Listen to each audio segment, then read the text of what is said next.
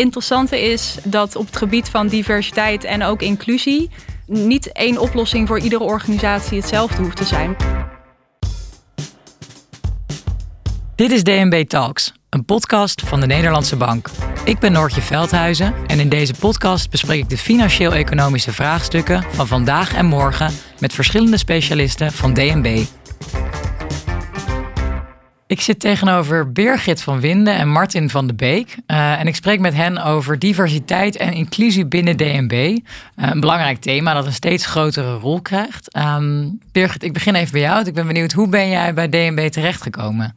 Ja, dat is een leuke vraag. Ik ben uh, nou, ondertussen alweer vijf jaar geleden bij DNB begonnen als stagiair. Ik studeerde sociale en organisatiepsychologie. Ik deed mijn master in Leiden en daarvoor moesten wij een stage doen.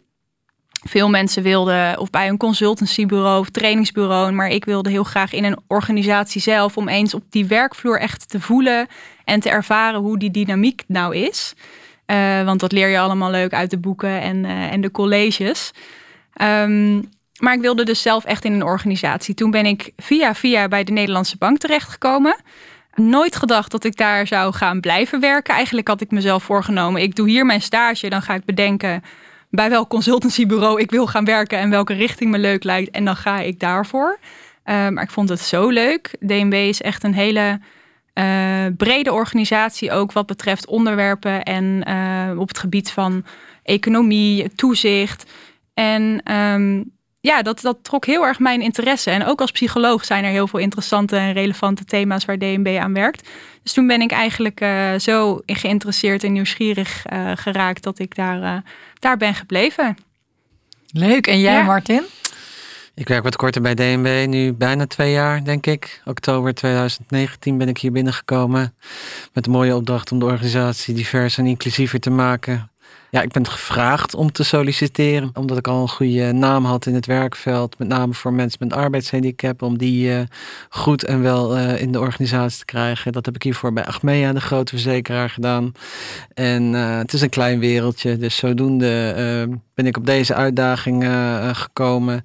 En ja, ik ben ook heel blij met hoe de organisatie eruit ziet en hoe ik ontvangen word en hoe er waarde gegeven wordt aan de missie die ik meegekregen heb. Dus ja, gaat lekker. En ik ben blij bij DNB. Had het ook niet vooraf niet verwacht hoor. Wat is die missie waar je het over hebt? Mijn missie die ik meegekregen heb, op de opdracht die ik meegekregen heb, is om de organisatie divers en inclusiever te maken, specifiek voor mensen met een arbeidshandicap. Daar is om ook wet en regelgeving omheen, de zogeheten participatiewet en de banenafspraak. Maar wij kijken breder en zeggen van nou, we willen ook echt gewoon mensen die langs de zijlijn van de arbeidsmarkt staan, die borden voor talent zitten, uh, een volwaardige kans geven in onze organisatie. En daarbij is ook dat ik zelf behoor tot die groep. Ik ben uh, slecht horen, ik ben aan één oor doof, aan de andere kant uh, heb ik een hoortoestel.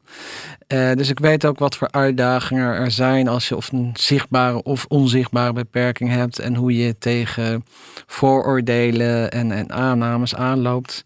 En die ervaring neem ik mee in mijn werk en in die missie die ik dus meegekregen heb. Ja, en wat is het, hoe heet het dan precies wat jij doet binnen DNB? Mijn naam is nu die van kwartiermaker voor inclusie en de banenafspraak. Uh, kwartiermaker is een term vanuit het leger, is degene die voor de troepen uit de infrastructuur aanlegt. En mijn troepen, dat zijn mensen met een arbeidshandicap. En ik probeer de infrastructuur binnen DNB aan te leggen, zodanig dat zij direct gewoon volwaardig hun werk kunnen doen. Ja. En jij, Birgit? Hoe heet het wat jij precies doet? Ik ben beleidsmedewerker bij HR um, en vooral ook beleidsmedewerker op het gebied van diversiteit. Dat is, uh, dat is mijn functie.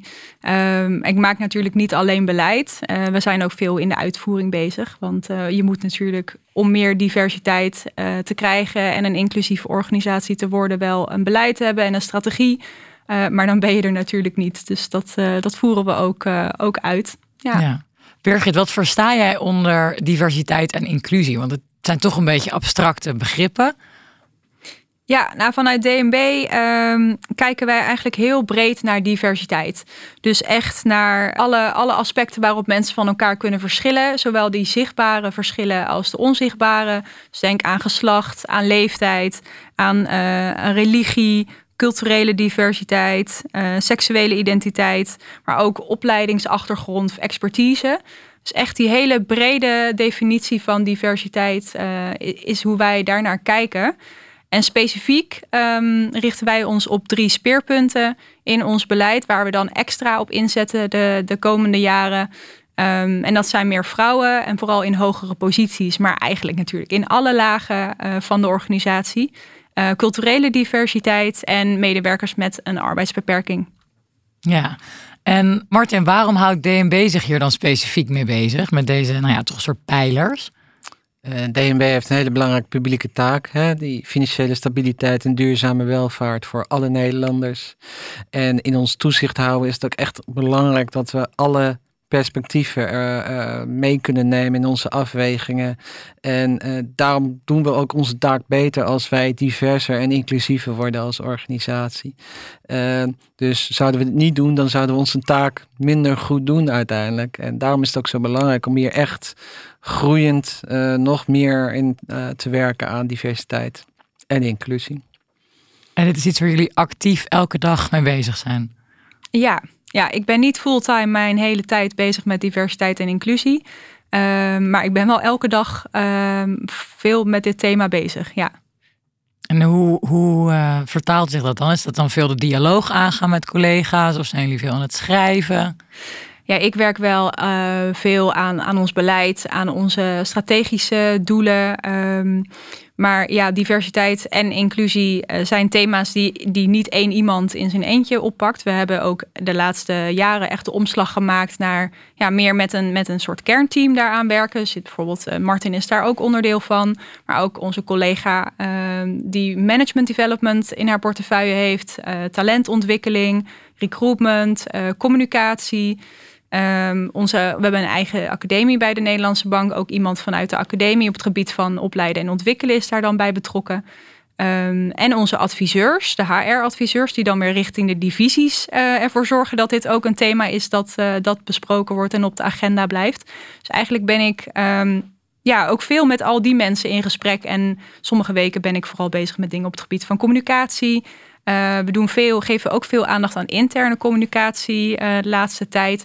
Maar dat kan natuurlijk ook externe communicatie zijn. En de andere week ben ik weer uh, heel erg bezig met een beleidstuk schrijven over diversiteit. Ja. Het verschilt, ja. En jij, Martin, hoe zien jouw weken eruit? Um, ik hou een stukje wet en regelgeving in de gaten. Ik zorg ervoor dat mensen hun hulpmiddelen krijgen die ze nodig hebben. En ook uh, nou ja, afstemming met bijvoorbeeld de arbeidsarts is, uh, is soms nodig. Nou, daarin variëren mijn weken enorm. Maar het zit hem vooral iets meer in het, uh, in het doen. Maar ook, ja, haak ik aan wat Birgit zegt uh, bij dat uh, kernteam. Om ook echt wel de grote lijnen en de rode taart goed met elkaar af te stemmen. en dat er ook wel wat meer een, uniform geluid is in de hele organisatie. En dat we elkaar versterken. Ook dat is diversiteit. Dat wij ook als kernteam, die heel divers is, elkaar ook versterken op dit stuk. En om er meteen met de spreekwoordelijke deur in huis te vallen, hoe divers is het bij DNB en inclusief? Ja, hele goede en interessante vraag natuurlijk. Ik, uh, ik denk dat wij redelijk uh, divers zijn. En uh, wij kijken sowieso met een hele brede blik naar diversiteit. Dus niet alleen die zichtbare kenmerken van geslacht, leeftijd of, of huidskleur, cultureel. maar echt diversiteit in die brede zin. Dus ook mensen met een zichtbare, onzichtbare beperking opleidingsachtergrond, expertise. Dat, ja, en als je dat allemaal bij elkaar pakt, dan ben je toch wel vrij, uh, vrij divers. Ja, en Martin, wat betekent diversiteit en inclusie voor jou persoonlijk in je, in je eigen leven? Nou ja, ik ben geboren met uh, een gehoorbeperking, dus ik weet niet anders dan dat ik uh, kenbaar moet maken dat ik slechthorend ben. En dat uh, soms even rekening met me gehouden moet worden op bepaalde manieren. En ehm, nou ja, dat doe je met vallen en opstaan. Op een gegeven moment vind je daar een handige manier in om dat eh, te communiceren naar je omgeving, naar de werkvloer, et cetera. Maar nog steeds ben je afhankelijk van hoe je ontvangen wordt. Of er dan ook daadwerkelijk rekening met je gehouden wordt. Of er oprechte interesse ernaar is ook. Van goh, wat betekent dat nou voor jou in je leven? En nou ja, dat, dat maakt het verschil voor mij of je ergens thuis kunt voelen op een uh, werkvloer waar je net even een andere type maatwerk nodig hebt van je collega's en van je werkomgeving. En is het dan ook dat je zelf in het verleden dat maatwerk gemist hebt, dat je nu zegt, ik ben, je hebt het over troepen al gehad, dat je soort van op de barricade bent gesprongen uh, voor mensen met een, uh, nou ja, die misschien hetzelfde hebben als jij of een, of een andere beperking die inderdaad ook niet zichtbaar is of wel zichtbaar? Nou, ik heb niet zozeer nare ervaringen meegemaakt als meer dat je soms ziet dat er een mismatch is tussen het werk en de beperking die je nou eenmaal hebt en dat je dat moet accepteren. Ik heb in mijn studententijd uh, in een bioscoop gewerkt. Ja, dat werkt op een gegeven moment gewoon niet als het heel druk is en als je overleg hebt via een walkie-talkie met collega's. Ja, dan moet je gewoon beseffen, dit gaat er niet worden. Maar soms ontdek je ook gewoon dat je met praktische kleine oplossingen juist wel uh, die moeilijke situatie kan tackelen met elkaar.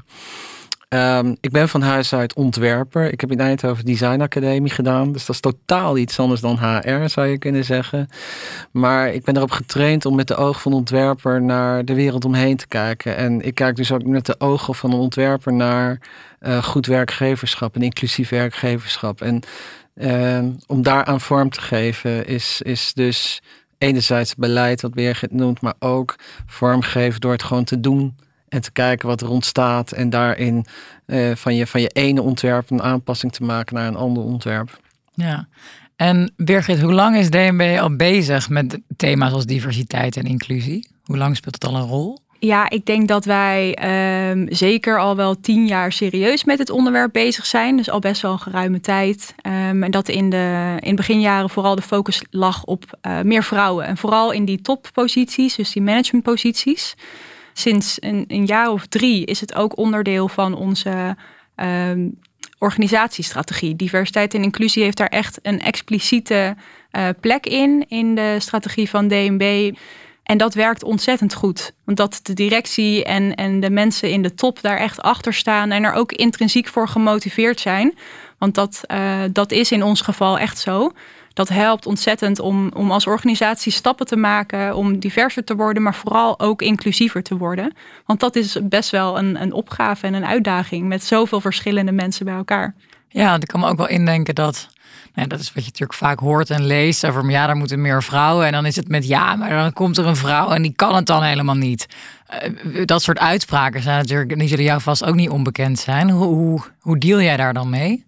Nou ja, dat is natuurlijk iets wat, wat, uh, wat kan. Dat zo'n vrouw wordt gekozen omdat ze een vrouw is. Of dat een vrouw het gevoel heeft dat ze wordt benoemd omdat ze vrouw is. Um, maar wat ook interessant is, je kan wel iemand, uh, een vrouw bijvoorbeeld benoemen omdat ze vrouw is. Maar brengt zij dan ook die kwaliteiten mee en die invalshoeken mee die jij dus binnen wil halen? Um, want dat is uiteindelijk um, waar in ieder geval waar wij heel veel belang aan hechten, is dat je met meer diversiteit ook verschillende perspectieven naar binnen haalt. Um, en als iedereen, nou ja, als mensen er anders uitzien, maar allemaal toch vrij gemiddeld hetzelfde denken, wat is dan je diversiteit? Ja, dat, dat is dan een hele interessante vraag. Ja. Dat, ja, dat heb je gelijk in. En Martin, als je dan kijkt naar, weet je, jullie staan aan het, aan het beginpunt zeg maar, van, van veranderingen doorvoeren in de rest van het bedrijf. En hoe wordt dat ontvangen dan bij collega's? En mensen daar, hoe reageren die daarop? Nou, ik word vooralsnog heel goed ontvangen door vacaturehouders. Als ik sprikkel met een cv van een kandidaat met een arbeidshandicap, zijn ze vooral benieuwd naar de talenten van diegene en niet zozeer naar de beperking of wat kan niet. Dus ik ben alleen maar blij verrast met hoe ik uh, ontvangen word in de organisatie. Soms zijn er nog steeds wel aannames die iedereen in zich heeft. We hebben allemaal onbewuste vooroordelen en onbewuste voorkeuren. Dat, dat, dat is iets waar je niet makkelijk vanaf komt, maar waar je wel bewust van kan worden en op die manier daarmee omgaan. En uh, tuurlijk kom ik ook soms aannames tegen. Aannames van, nou, als ik een kandidaat uh, pitch met een vorm van autisme, dan denkt men gelijk aan klassiek autisme. Maar je hebt ook 300 soorten vormen van autisme en die uitzicht op hele andere manieren en met andere benodigde aanpassingen. En dat probeer ik wel mee te geven, soms als ik zo'n reactie krijg die vrij plat slaat, om maar even zo te zeggen. En wat voor reacties zijn dat dan? Nou ja, aannames van, nou, we zitten in een hele moeilijke fase als afdeling, dus uh, het is onrustig vaarwater, we kunnen geen structuur bieden, dus is het geen passende plek voor deze kandidaat, omdat deze kandidaat autisme heeft. Eh, maar niet iedere persoon met een vorm van autisme heeft per se structuur of uh, duidelijke kaders nodig, maar juist een hoger doel of juist uh, een vaste aanspreekpunt of zijn gewoon heel goed in een bepaald stukje van dat werk. En dan maakt het niet uit hoeveel onrust daar om dat werk heen zit, zolang zij maar dat kleine stukje gewoon heel goed kunnen doen. Dat, dat probeer ik mee te geven aan zijn vacaturehouder. En, en dus die primaire reactie toch even wat uh, te nuanceren voor die uh, vacaturehouder. Ja, of iemand even een spiegel voor te houden. Ik denk ja, dat je heel vaak ook niet door hebt wat je zegt. Ja, het is spiegelen door, door informatie mee te geven en ook terug te koppelen van nou je zegt dit, maar je zegt dat, je, dat, dat, dat jouw aanname is dat er structuur nodig is voor deze persoon en dat het daarom geen match kan zijn. Maar dan spiegel ik terug van is dat nou wel zo of is dat een aanname van jou dat er structuur nodig is? Ja. Maar dan ga je best vaak de strijd aan met mensen. Het, ja, strijd vind ik een niet passend woord. Het is dat kwartier maken. Het is die infrastructuur aanleggen waar ik het net over had. En die infrastructuur aanleggen is ook dus bewustwording creëren in de organisatie. En als je dat op een strijdbare manier gaat doen, dan sla je soms de plank mis, simpelweg door je tone of voice. En kun je veel beter een leuk dialoog aangaan of een beetje humor toepassen in je, in je communicatie naar anderen toe. Ja, want ik was me aan het voorbereiden op deze aflevering, Birgit. En toen las ik ook over Female Capital en Jong DNB en GNB. Over humor gesproken. Toch? Ja, vind je dat, vind je dat grappige, grappige namen? Nou, ik vind het gewoon fris en jong en met een, met een kwinkslag. Ja, nee, klopt. Ja, dat is ook zo. Nou, dat, ik, ik denk dat dat ook wel een beetje kenmerkend uiteindelijk is voor DNB. En waar ik zelf verrast over was toen ik hier kwam werken. Maar dit zijn uh, ja, de namen van een aantal van onze medewerkersnetwerken. Um, en we hebben er nog meer. We hebben ook Diverse DNB, uh, DNB International voor de mensen die uh, internationaal uh, vanuit andere landen hier zijn komen werken. Um, ja, en zij, zij richten zich eigenlijk op zowel hun, hun eigen achterban en doelgroepen, maar organiseren ook heel veel mooie dingen waar alle DNB'ers aan kunnen, kunnen deelnemen. Vanuit GNB varen we als DNB al jaren mee in de, tijdens de Pride.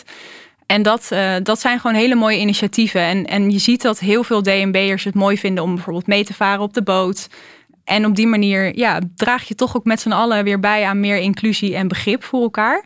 En een ander uh, vond ik heel bijzonder initiatief wat Diverse DNB laatst heeft georganiseerd. Uh, was de Ramadan Challenge. Want eind april was dat. Um, was er een dag georganiseerd waarop iedereen die wilde kon meevasten met de Ramadan. Nou, ik heb zelf ook meegedaan. Ik vond het ook echt wel een challenge.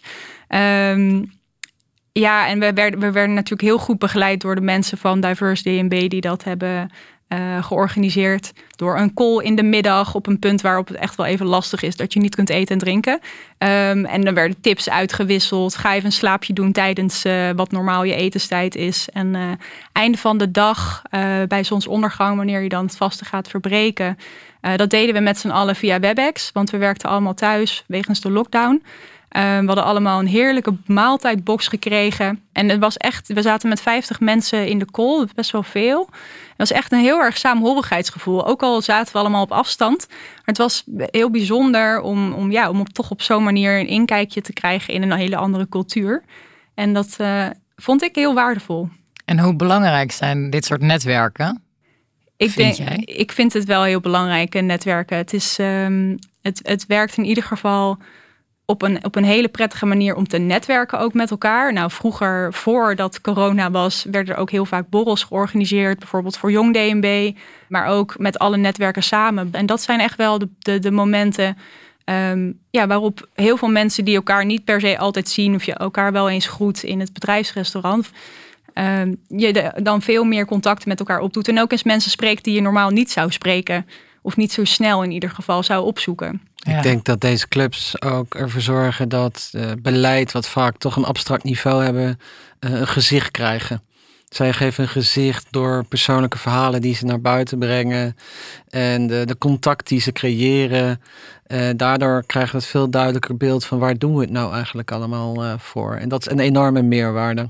Ja, hey, en als we dan kijken naar uh, de Nederlandse financiële sector of andere centrale banken, uh, loopt DNB dan voor met betrekking tot deze thema's? Of, of achter? Of hoe, uh... Een voorbeeldfunctie voor andere instellingen? Nou, misschien op bepaalde thema's. We zien ook dat we voortgang maken. Uh, we spreken ook inderdaad uh, met onze peers, zowel in Nederland uh, met, met, met bijvoorbeeld andere banken, maar ook inderdaad in Europees verband met andere centrale banken. En um, ja, wat aan de ene kant heeft iedereen toch wel hetzelfde vraagstuk van hoe word je inclusiever? We willen meer vrouwen en meer culturele diversiteit. In Nederland is dat laatste dan wel bijvoorbeeld een groot onderwerp, maar in uh, bij bijvoorbeeld de Europese Centrale Bank, daar zijn ze het is een Europese instelling, dus daar is culturele diversiteit geen uh, vraagstuk. Want dat, dat, ze zijn hartstikke divers wat dat betreft. Maar zij zijn weer heel erg bezig met meer vrouwen uh, in alle lagen van de organisatie. En dan kijken ze ook nog wel eens naar ons. Ja. Dus het, het, interessante is um, dat op het gebied van diversiteit en ook inclusie.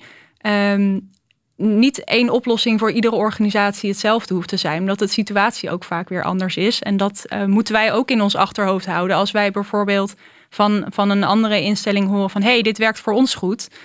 Uh, dan kunnen wij inderdaad, nou eerst moeten we, we gaan ons natuurlijk verdiepen. Uh, we gaan bekijken of dat ook voor ons wat zou kunnen zijn. we kunnen dat gaan uitproberen. maar als we zien dat dat voor ons niet goed werkt... Uh, dan moeten we ook gaan bijsturen en, uh, en ook erkennen dat het voor ons op een andere manier zou moeten werken. Want iedere cultuur en organisatie is natuurlijk weer verschillend, met eigen vraagstukken ook. Ja. Nou, ik denk dat de financiële sector ontzettend goed bezig is. Als ik in ieder geval kijk naar de, de, de, de doelgroep van mensen met een arbeidshandicap, weet ik dat andere grote financiële instellingen als banken en verzekeraars ook al enorm mooie stappen gemaakt hebben. En uh, nou, die kruisbestuiving tussen mij en mijn vakgenoten bij die andere financiële instellingen is heel sterk. We vinden elkaar makkelijk en we wisselen enorm makkelijk ook tips met elkaar uh, uit. En hoe is dat voor jou? Hoe ervaar jij dat? Um, nou ja, eigenlijk wat ik, wat ik net omschreef. Um, we, we, lopen vaak wel tegen dezelfde vraagstukken aan. Vooral bijvoorbeeld op het gebied van hoe meet je de culturele diversiteit. En dan heb ik even ja, over. Dat, over... dat vraag ik me ook wel af. Hoe ja, dat is dus best wel een interessant vraagstuk. of zo opstelt. Heel veel organisaties ja. hebben, hebben die vraag ook nou ja, gehad ondertussen, denk ik. Wij zijn er vanuit DNB best wel een aantal jaar mee bezig geweest van hoe kun je dat nou meten? Want wij willen wel cultureel diverser worden, maar we weten niet echt hoe we ervoor staan. We hebben geen nulmeting. Um, nou, dat waren wij natuurlijk niet als enige. En um, het ministerie van Sociale Zaken en Werkgelegenheid uh, heeft die vraag ook gehoord en hebben dat opgepakt in een pilot samen met het CBS. Dat is al een aantal jaar terug. En daaruit is de barometer culturele diversiteit ontwikkeld.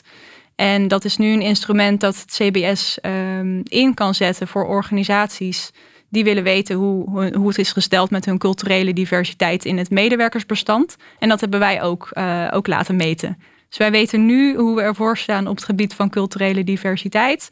Um, organisatie breed. Uh, ja, wij hebben het doel om aan te sluiten bij de, bij de Nederlandse uh, samenleving sowieso als, uh, als geheel. En specifiek kijken wij dan naar de Nederlands werkzame beroepsbevolking. En, en daar sluiten wij bij aan op het gebied van culturele diversiteit. Dus dat is mooi. Maar een nadere analyse die we hebben laten doen door het CBS liet ook zien dat in de, in de echt wat hogere schalen, eh, inclusief ook het management, dat daar de culturele diversiteit wel um, lager is dan het gemiddelde van DNB. Dus we weten ook wel waar onze, onze aandacht op gevestigd moet worden. En waar we dus echt nog wel verbeterstappen willen en moeten maken ook. Ja, maar met name wat hogerop is er nog werk aan de winkel. Ja, zeker. Zeker in onze managementposities kunnen wij, uh, kunnen wij nog wel wat meer diversiteit brengen. Um, en daar, daar zetten wij dus ook echt wel op in. In ons, um, ja, bij het benoemen van, van nieuwe managers is het ook wel een thema van gesprek. Wij hebben um, ook echt een, een board bestaande uit, uit managers, divisiedirecteuren en, en afdelingshoofden. Onze diversity board. Um, die ook als ogen en oren van de organisatie zich sterk maken voor dit onderwerp diversiteit en inclusie. Um, en om daarmee ook dat draagvlak zowel op de hogere niveaus als weer naar hun eigen divisies en afdelingen te vergroten. Uh, want het is natuurlijk, ja, het is een thema dat we vanuit HR eh, ooit is opgestart, opgepakt. Maar het is iets dat we met elkaar allemaal moeten doen. Uh, en daar zijn ook echt die divisies voor nodig.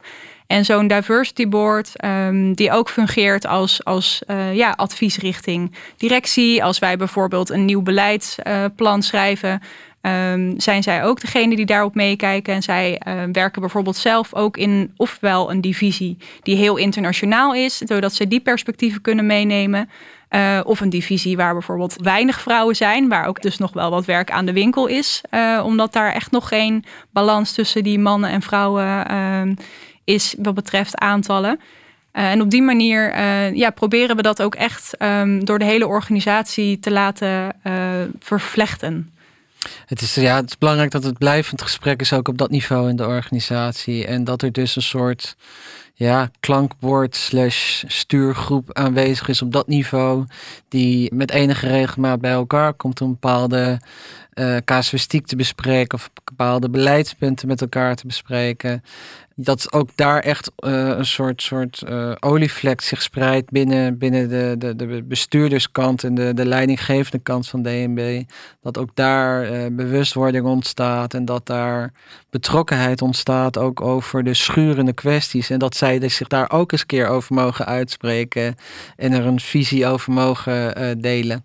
Ja, en Martin, wat um, hebben jullie een soort vijfjaren plan? Of heb je persoonlijk iets waarvan je denkt, over vijf jaar wil ik dit graag uh, kunnen afvinken dat dit me gelukt is? Binnen de organisatie? Ja, wat een beetje leidraad is voor mij uh, en mijn meeste vakgenoten is de die banenafspraak waar we het eerder over hadden. Die afspraak tussen overheid uh, en enerzijds en werkgever Nederland anderzijds. Die afspraak zegt er moeten 125.000 banen gerealiseerd worden voor mensen met een arbeidshandicap eind 2025. En nulpunt is 2013 geweest. We hebben 25.000 banen door de overheid, 100.000 banen door de marktsector. En daarmee kun je dus op terugtellen, nou wat betekent dat voor mij? Wat moet ik dan behalen in 2025? Nou, voor ons betekent dat wij om en nabij 45 banen moeten gerealiseerd hebben voor mensen met een arbeidshandicap. Dus dat is een eikpunt. Daarbij zeg ik zelf ook nog van, ik wil ook nog een stapje verder. Ehm, ik wil ook ervoor zorgen dat ook onze cateraar en onze schoonmaakdienst en onze beveiliging, diensten die we uitbesteed hebben, dat ook zij aan de slag gaan met dit onderwerp. Want het zijn ook mensen die over onze werkvloeren heen lopen. En ik vind ook dat zij zich thuis moeten voelen binnen onze werkomgeving. Dus we hebben afspraken ook die we maken met onze leveranciers op schoonmaak, catering, et cetera. Voor te zorgen dat ook zij nou ja, tot aan 2025 18 banen gaan realiseren voor mensen met een arbeidshandicap. Wat goed. Ik word echt helemaal een soort van strijdbaar van. Als ik mag het woord van jou niet gebruiken, maar jullie zijn wel echt. Uh, strijdbaar wel. Handen uit de mouwen. En uh, tijd om eens even goed te gaan kijken naar niet alleen jullie eigen organisatie, maar dus ook de, de bedrijven waar jullie mee samenwerken. Van de schoonmaker tot de cateraar. Ja, absoluut. En dat, dat is tweeledig. Enerzijds omdat we inderdaad onze invloedssfeer ook willen pakken. Want ook juist in die invloedssfeer kunnen we ontzettend verschil maken voor deze mensen die nu werk zoeken en een arbeidshandicap hebben. Maar anderzijds komt het ook omdat wij uh, een kennisintensieve werkgever zijn. Dus we hebben vooral kennisbanen in de aanbieding. En uh, dat sluit niet altijd aan op mensen die vooral praktijkgericht zijn, praktijkgeschoold zijn. Die zoeken ook een baan. Ook die mensen met een arbeidshandicap willen, willen we een kans bieden. Alleen hebben we die niet zelf in huis. En we willen een beetje voorkomen dat we spek- en bonenbanen gaan creëren, om maar even zo te zeggen, in onze eigen organisatie voor deze mensen. Dus laten we dan kijken hoe we duurzame en echte banen kunnen realiseren in die schoonmaak, in die catering. En uh, uh, ook daar juist die kansen te creëren voor de mensen die praktijkgeschoold zijn. Ja, ik vind het leuk dat jullie ook allebei heel, heel trots klinken op wat jullie aan het doen zijn. Heb je, Birgit, heb je iets waarvan je zegt, nou, ik ben, daar ben ik zo nou ja, gewoon trots op en heel blij mee dat me dat gelukt is de afgelopen jaren? Nou, ik denk wel dat ik heel uh, vooral trots ben op dat het nu diversiteit en inclusie echt een onderwerp is dat sowieso nou, formeel onderdeel is van de strategie. Want dat, dat is natuurlijk hartstikke mooi. Maar dat het ook steeds meer onderwerp is van gesprek in, uh, in de divisies en in de teams. Vanochtend kreeg ik ook weer een e-mail van, van mensen vanuit een, een afdeling bij toezicht. Die graag uh, aan de slag willen met diversiteit binnen hun afdeling of binnen hun divisie. Uh, en wat ze daar ook zelf voor kunnen doen als medewerkers. En dat, dat is toch super gaaf. Dat mensen daar ook zelf uh, ja, gemotiveerd voor zijn en daarmee aan de slag willen gaan. Dus ik, uh, ik vind dat, ja, we zijn er natuurlijk echt nog lang niet. Maar het is echt wel een onderwerp dat heel erg leeft in de organisatie. En ik denk dat we dat de laatste jaren wel echt een, uh, ja, een grote, grote zwengel hebben gegeven. Ja, goed op de agenda hebben gezet. Zeker, ja. ja. En jij Martin, waar ben je trots op? Nou, ik herken wat Birgit zegt, dat er een, een soort intrinsieke motivatie is. Dus het is niet omdat er een moedje is vanuit een overheid. Nee, we hebben echt intrinsieke motivatie met z'n allen. En er is er ook mandaat voor om daar ook echt werk van te maken. Heel concreet, ja, ik heb ook van die concrete kleine momentjes. Ik heb gisteren met iemand een wandeling gemaakt die een jaar bij ons werkte via mijn programma. En die heb ik zo ontzettend zien bloeien in, in haar zelfvertrouwen en in haar uitstraling en in haar energie. Uh, dat geeft mij ontzettend veel gelukheidsstofjes, om maar even zo te zeggen. Uh, een andere die is net anderhalf week geleden gestart. En die heb ik ook gisteren even gesproken. Van goh, hoe gaat het? Hoe is je start geweest? En die, die moest zelfs een traantje pinken. Omdat ze zo warm ontvangen wordt door de organisatie. Omdat alles zo goed geregeld is. Ook met wat zij nodig heeft om goed haar werk te kunnen doen. En je ziet ook wel, juist bij mensen met een arbeidshandicap. Dat er best wel wat littekens zijn van nare ervaringen. Ja, daarom voel ik jou er net ook naar. Ja. Omdat dat is toch wat je vaak hoort. Dat mensen toch een beetje gekrenkt vaak... Uh ja, ik noem ze draaideur gehandicapt. Je ziet dus ontzettend veel mensen die gewoon met korte tijdelijke dienstverbanden in binnen gehaald worden. En als het maar even een beetje moeilijk wordt, of als er net even wat meer maatwerk nodig is of bijgestuurd moet worden, dan durft een werkgever dat lang niet altijd uh, uh, aan. dus ja, als je kijkt naar cijfers, hè, slechts 6% van werkgevers in Nederland is succesvol actief bezig om mensen met een arbeidshandicap een kans te geven. 6% betekent dat nog 94% uh, echt nog die omslag moet maken om in een uh, echte inclusieve werkwijze en aanpak voor deze groep. Ja, nou, ik hoop dat ze gaan luisteren naar deze aflevering. Ja, ik ook. En jullie een keer gaan bellen. ja, dankjewel jongens. Ja. Dankjewel. Bedankt voor het luisteren naar DNB Talks. Heb je vragen of wil je reageren op de podcast? Stuur dan een mailtje naar dnbtalks.dnb.nl.